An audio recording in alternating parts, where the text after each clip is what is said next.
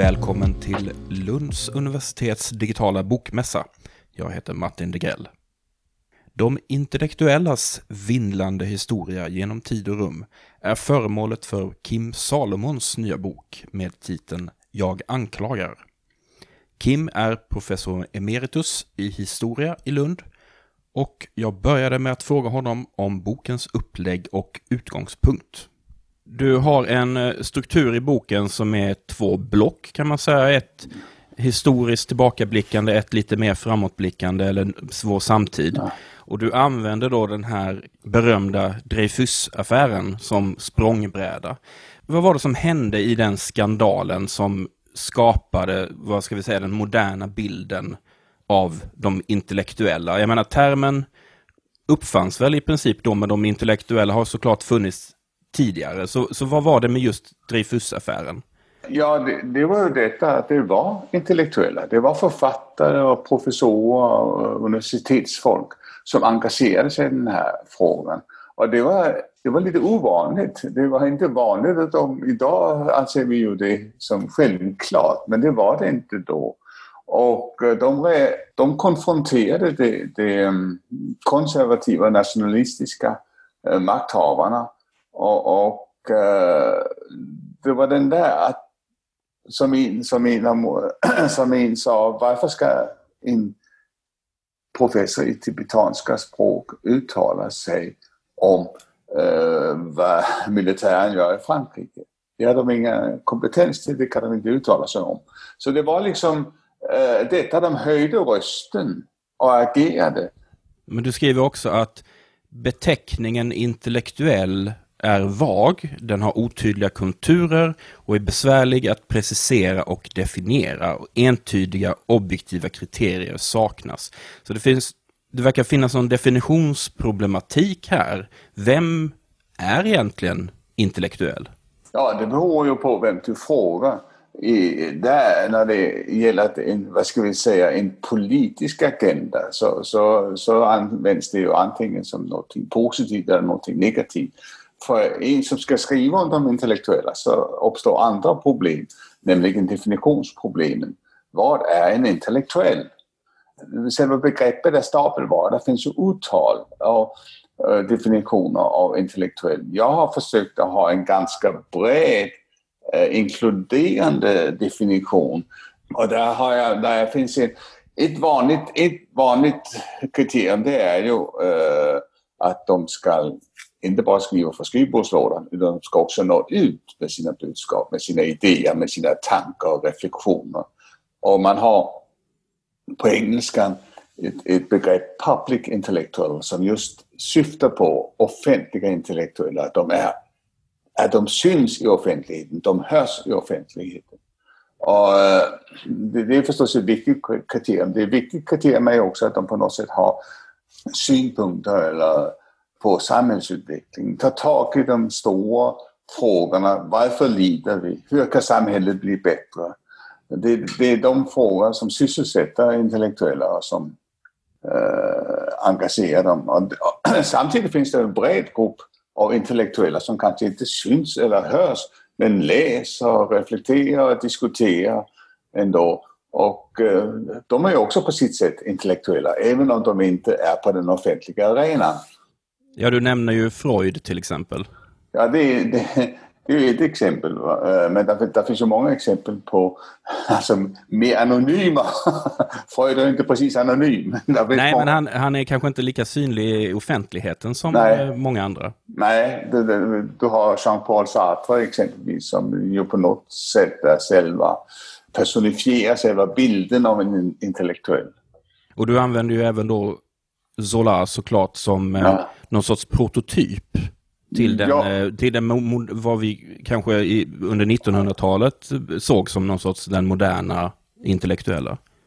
Ja, han, han blev ju någon prototyp därför att han, eh, det blev själva, han blev symbol i, och han inte bara agerade, men han blev också en symbolfigur under Dreyfusaffären och eh, personifierade var en, en författare, en skribent som använde sitt kulturella kapital för att engagera sig. Han hade inga politiska inflytande, han hade inga pengar, men han hade ett kulturellt kapital.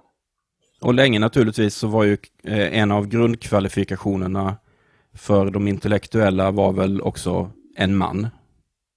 Det var länge, det var männens värld, men, men alltså eh, man ska var för det fanns ju många eh, successivt flyttar kvinnorna ju fram sina positioner. Det är ju eh, många kvinnor som, inte minst i samband med franska revolutionen, före men framförallt efter som, som gör sin röst hörd. Och vi har ju i Sverige har vi ju sådana, om vi ser längre tillbaks i tiden, heliga Birgitta och drottning Kristina som ju också på sätt och vis var intellektuella. Och du, du blickar ju tillbaka långt bak, du kör ju en, en kronologiskt svep kan man säga. Ja. Är det svårt att liksom kartlägga, eller det måste vara en utmaning att så att säga kartlägga intellektuella eller den tidens motsvarigheter i äldre samhällen på grund av att jag, jag känner att det här med de intellektuella, det är, så, det är väldigt tätt förknippat med individer, eller hur? Ja. Så att jag tänker att jag menar, det är egentligen först när du kommer till antiken som du har liksom namngivna intellektuella känns det som. Eller har jag, har jag, är jag fel, helt fel ute där? Nej, men nej, nej, du har rätt alltså.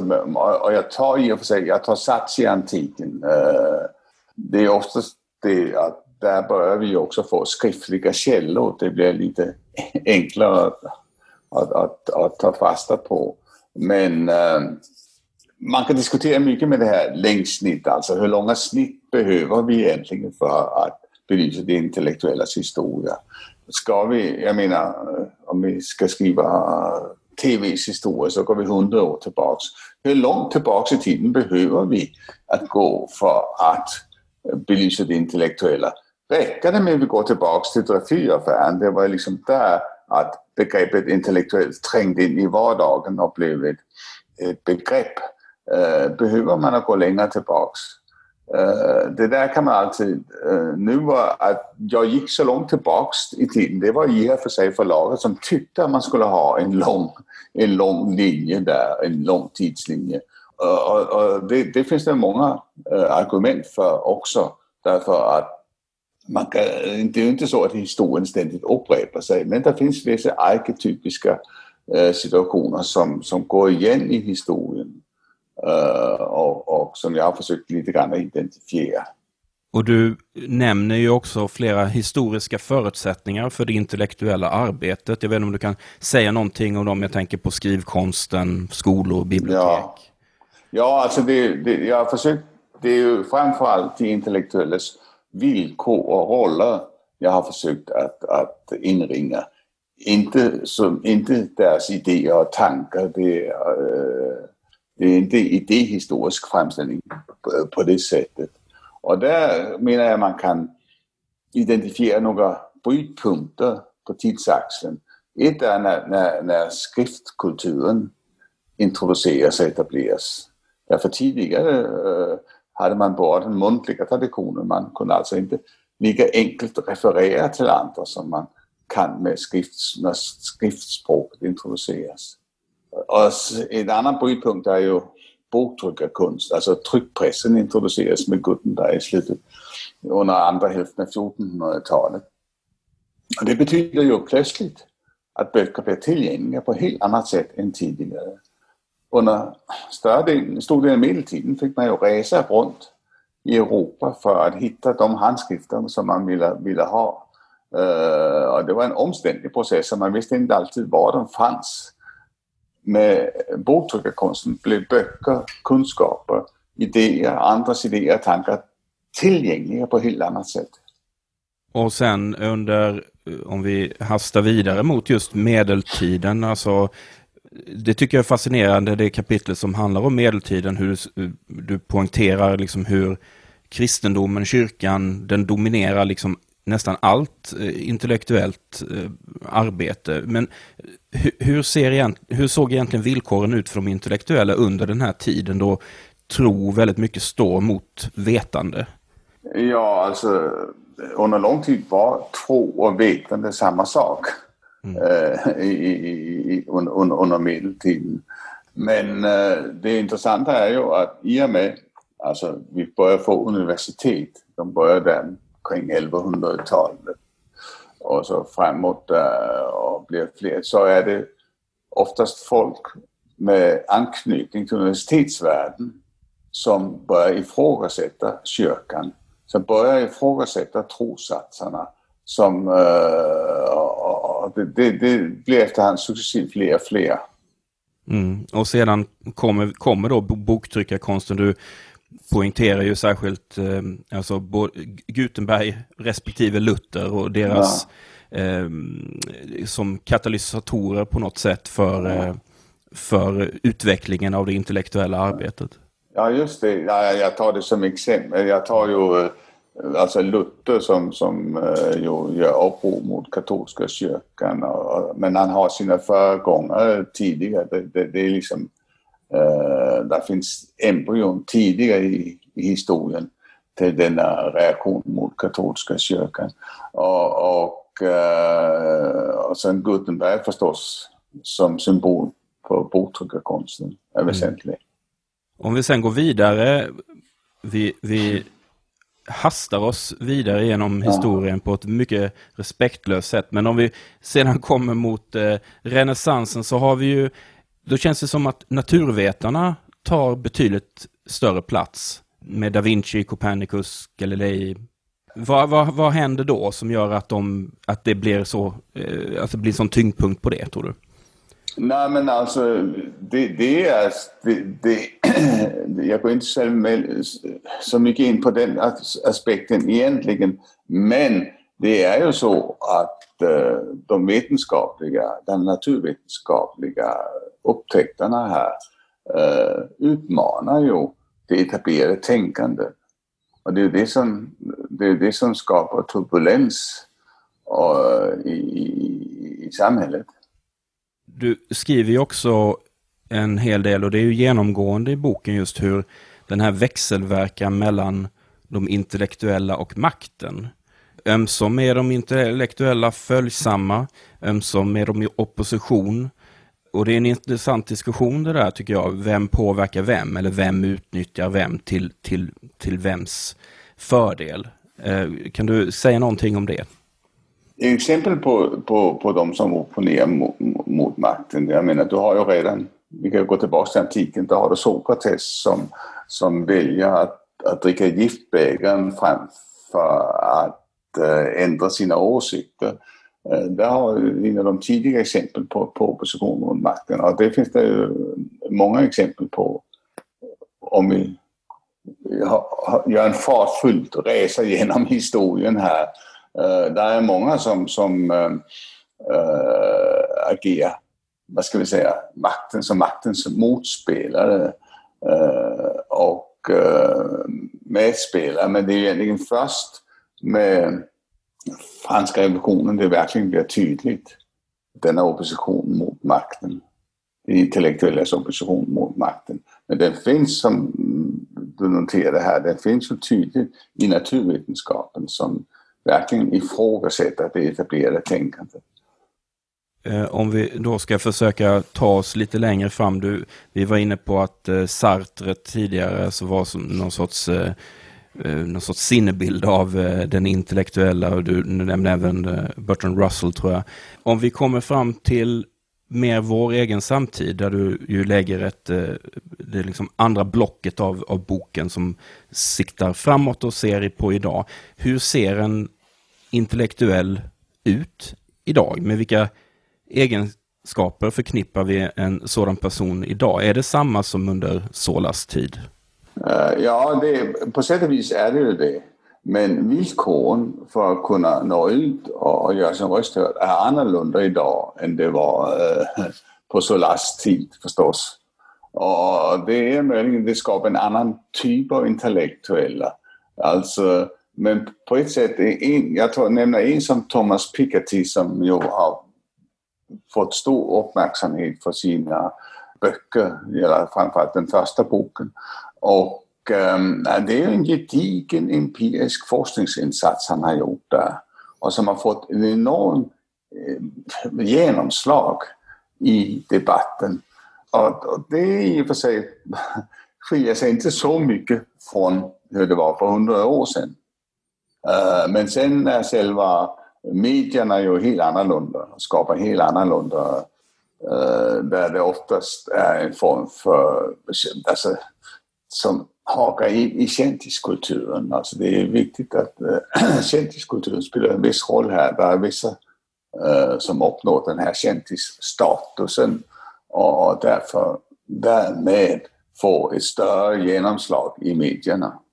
Men äh, exemplet Piketty, är det också möjligen ett exempel på det som du pratar om, den här förvandlingen från generalister till specialister och experter?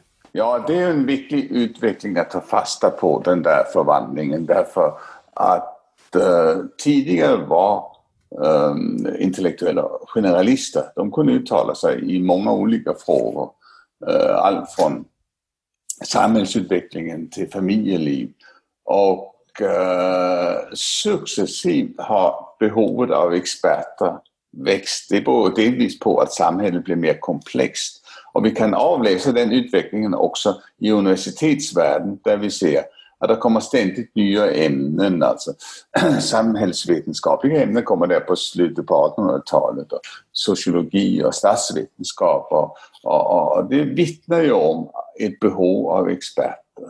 Och experterna har, har fått allt större inflytande medan generalisterna då ibland definieras som amatörer som uttalar sig om allt.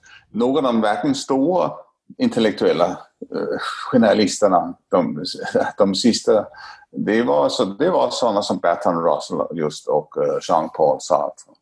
Så det är ett, ett större behov av, av specialister och det har växt successivt. Om vi slutligen försöker blicka lite framåt. Du hänvisar ju till eh, Tony Jutts eh, tes om att eh, av alla förändringar de senaste decennierna är de intellektuellas försvinnande det mest symptomatiska.